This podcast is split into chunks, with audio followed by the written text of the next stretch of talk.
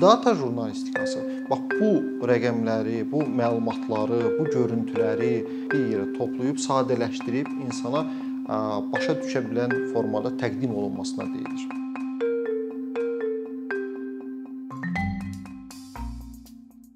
Məlumatlar getdikcə artır və bu normaldır. İnsan sayı artır, avadanlıq sayı artır. Amma biz biraz kənara, biraz tarixçəyə baxmaq lazımdır. Baxmalıyıq. Baxın, datalar ətrafımızda yalnız rəqəmlərdən ibarət deyil. İndi hər şey rəqəmləşib və ətrafımızda bu rəqəmlər artdıqca dataların sayı artır. İndi siz istənilən adamı istənilən yerdə tapa bilərsiniz. Zəng eləyə bilərsiniz, danışa bilərsiniz. Deməli onun haqqında çoxlu məlumatlar toplamaq olar. Onun səsini, onun görüntüsünü, onun fərqini, digər insanlardan fərqli düşüncələrini hətta rəqəmləş rəqəmləşdirib yığa bilərsiniz. Deməli data hər yandadır. Və data jurnalistikası bax bu rəqəmləri, bu məlumatları, bu görüntüləri, bu bütün tip dataları bir yerə toplayıb, sadələşdirib insana başa düşə bilən formada təqdim olunmasına deyilir. Yəni data jurnalistikası digər jurnalistika növlərindən nə ilə fərqlənir? Elə də fərqlənmir. Sadəcə olaraq o belə deyək, yeni baxış gətirir. Mən deyərdim ki, o multimedia jurnalistikasının bir hissəsidir. Multimedia nə deməkdir? Yəni müxtəlif medialarla məlumatların çatdırılması. Video var, səs var, görüntü var, podkastlar var. Yəni müxtəlif növ medialar var. Biz də bir, bir də ortaya dataların əsasında düzəlmiş vizuallaşmaları qoyuruq. Bu nə qədər yeni bir şeydir. Məncə heç də yeni deyil. Məsələn, özüm araşdırdım ki, bəs Azərbaycanda data analizi və s. nə vaxt olub? Ümumiyyətlə nəyisə vizuallaşdırma nə vaxtdan olub? Ən qədim, ən qədim sənətlərimizdən biri xalçaçılıq. Yəni siz onun üzərinə baxsanız, xalçaların hər birinin ornamenti, nə bilim bu göl göldür və s. digər e, ornamentlər hər biri nə isə deməkdir və ona hansısa bir məna verilir. Yəni vizuallaşdırılırdı hansısa məlumatlar. Elə belə e, belə deyək də sıfırdan nə gəldi o çəkilmirdi onun üstünə. Xeyr, onun hər birinin mənası var idi. Və vizuallaşma xalçaçılıq üzərindən artıq, yəni ilk vizualizasiya artıq nə isə bir özündə data, yük, məlumat daşıyırdı. Bəs jurnalistikada, jurnalistikada, müasir jurnalistikada data jurnalistikası dövrü nə vaxt başlayıb? Bu nə qədər qəribə olsa da data jurnalistikanın banisi heç də jurnalist deyil. Yəni mühəndisdir. Hətta deyə məncə e, bu körpülərin və s. tikintisi ilə e, bağlı işləyən bir fransız jurnalist Minatdır. O nə edib? O ömrü boyu cəmi 50-yə yaxın vizualizasiya çəkib və o onun bütün çəkdikləri demək olar ki, data jurnalistikasının əsasıdır. Onun ən məşhur çəkdiyi vizuallaşma Napoleonun Rusiya səfəridir və Napoleonun niyə uduzduğunu başa salır. O göstərir bir qalın xəttlə göstərir Moskvaya qədər yolu ki, e, deməli temperatur düşdükcə e, Napoleon ordusunun sayı, e, əsgər sayı azalırdı. Və faktiki olaraq soyuq belə deyək, Napoleon ordusunun qırdığını göstərir və geriyə xətt gəlir. Görülür ki, nə qədər əsgər çıxmışdı Fransada və neçəsi qayıtdı. Görürük necə azalır. Yəni çox sadə bu böyük əsərlərin, elmi əsərlərin, tarixi əsərlərin vizuallaşmış qısa bir formasıdır. Yəni biz çətin məlumatları, çətin qavranıla bilən məlumatları hamısını balaca bir e, məkana sığdıra bilirik data jurnalistikası e, çərçivəsində. Bu 19-cu əsrin sonlarında jurnalistikaya gələndən sonra e, müxtəlif ölkələrdə istifadə olunur. Bəs niyə indi bu qədər populyardır? Yəni data jurnalistikası sözü özünü təsadüf eləyib belə deyək də son 10 illiklərə. Niyə? Niyə? Çünki rəqəmsallaşma artır, dataların sayı artır və dünyada populyar olan open data, açıq data, açıq mənbəli e, belə deyək, bazalar populyarlaşmağa başlayır ki, insanlar öz artıq bilirsiniz, e, nə hökumətlər, nə jurnalistlər, nə hansısa bir təşkilatlar çatdırmırlar bütün datanın analizi verməyə. Bu mümkün də deyil. O qədər ətrafımızda məlumat var ki. Ona görə o, o bazaları açırlar ki, buyurun. Kim istəsə girsin, istifadə eləsin, analiz eləsin və ortaya bir nəticə qoysun. Nəticələr adətən vizuallaşma formasında olur data jurnalistikasında. Yəni burada biz görə bilərik timeline deyirəm. Məsələn, zaman üzərində, zamanla necə Minardın o, misalında zaman üzərində hansısa bir rəqəm necə dəyişir, hansısa bir hadisə necə dəyişir. Bu ola bilər hansısa bir qısa bir belə deyək, sütunlardan ibarət müqayisə.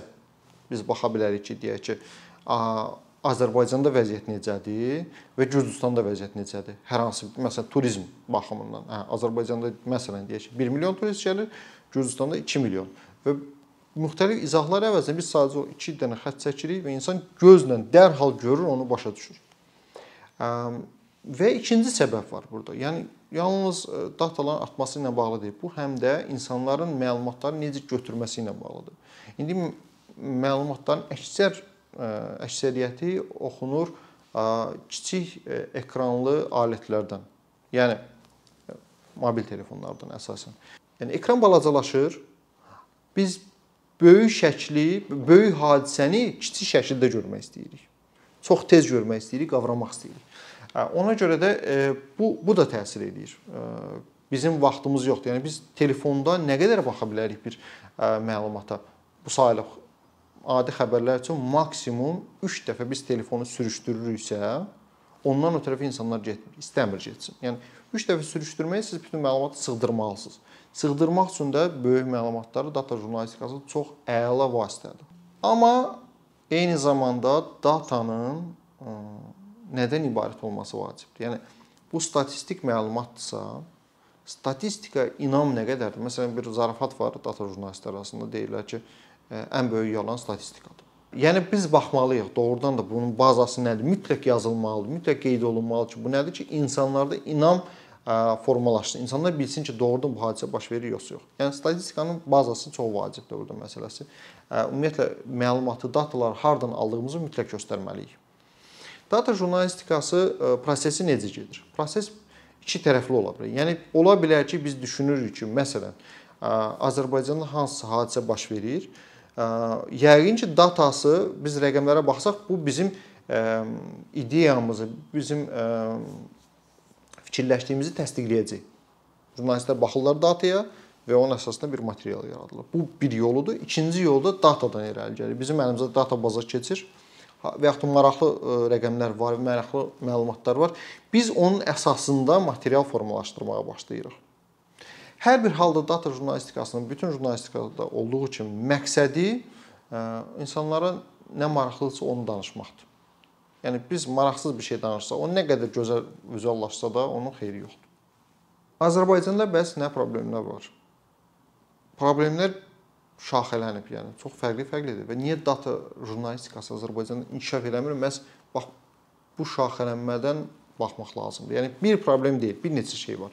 Birincisi, Bizdə belə data bazaları demək olar ki, çox azdır və ona görə e, ortaya qoyula biləcək işlər də azdır. E, mütləq lazımdır ki, bu data bazaları kimsə açıqlasın və bunlar maşının, e, yəni avadanlığın, kodların, proqramların oxuna biləcək formada olsun. Yəni sadəcə olaraq hansısa PDF səhifədə verirlər bəzi orqanlar. Onu oxumaq olmur. Yəni düzdür, scraper və müxtəlif alətlərdən istifadə edib çalışıb eləmək olar. Amma yəni e, məqsəd adama, jurnalistə əziyyət vermək deyil. Məqsəd onun belə deyək, işini asanlaşdırmaqdır. Yəni adi kodla versələr, yerləşdirsələr çox asan üsuldur. Adamlar da istifadə edirlər, jurnalistlər də rahat istifadə edirlər. Bu bir problemdir. Digər tərəfdən jurnalist tərəfindən baxaq problemlərə. Niyə jurnalistlər getmirlər data jurnalistikaya? Birincisi, səbəb odur ki, onlar rəqəmlərdən qorxurlar. Jurnalistika təhsili bizdə humanitar elmdir və siz onlara deyəndə ki, Bilirsiniz, yoldaş jurnalistlər, siz riyaziyyatı yaxşı bilməlisiniz, anlamalısınız, analiz eləməlisiniz, rəqəmləri müqayisə eləməlisiniz, bölməlisiniz, vurmalısınız, faiz almalısınız, dəhşətə gəlirlər. Konkret dəhşətə gəlirlər və gəlmirlər. Bu problemdir. Bu böyük problemdir və jurnalistika təhsilindən başlamaq lazımdır.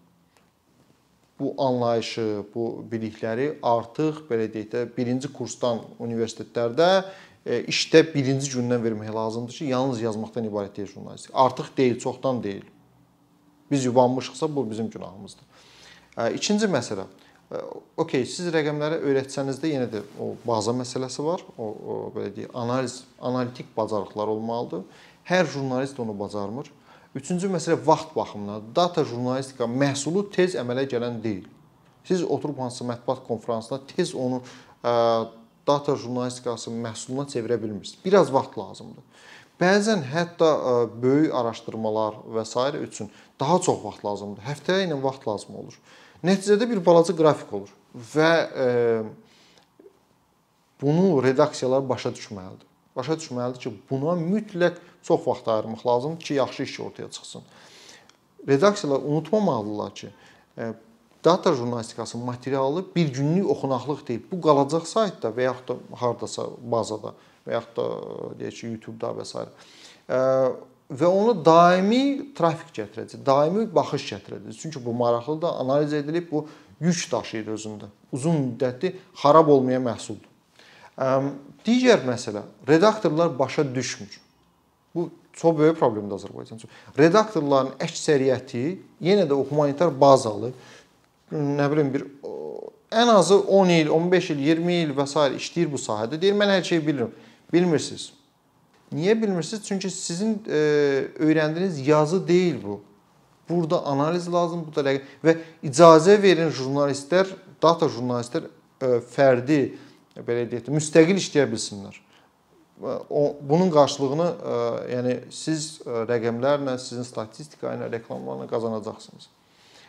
Başqa bəlkə sonunculardan biri də ondan ibarətdir ki, pul məsələsi var ortada. Yəni siz əgər jurnalistə deyirsinizsə, get buyur, araşdır bir mövzunu. Bu bir bir həftə, 2 həftə buna gedirsə və bəzən daha çox redaktor düşünür ki, bu nə dərəcədə xeyirlidir. Yəni mən jurnalisti saxlaya bilərəmmi? Bu çox ə, realdır və məsələn başqa ölkələrdə bunun necə ə, inkişaf elətdirilir? Mən Azərbaycan üçün bu model məncə işləyə olar.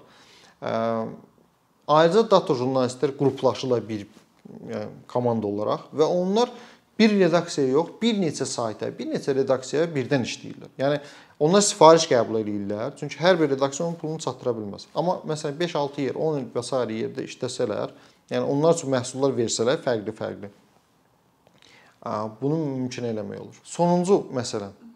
Niyə inkişaf eləmir? Çünki dediyimiz kimi statistika əhali tərəfindən bəzən saxta məlumat kimi qəbul olunur. Əfsus ki. Və belə olan halda saxta məlumatların yayılması daha çox populyardır bəzən data jurnalistlər arasında. Çünki bir rəqəm oynatmaqla və yaxud da deyək baza, başlama bazasından dəyişməklə belə bir təsəvvür yarada bilər ki, sanki bu artım çoxdur, amma siz başqa cür düzəldəndə o qrafiki, o artımın az olduğu görsənir.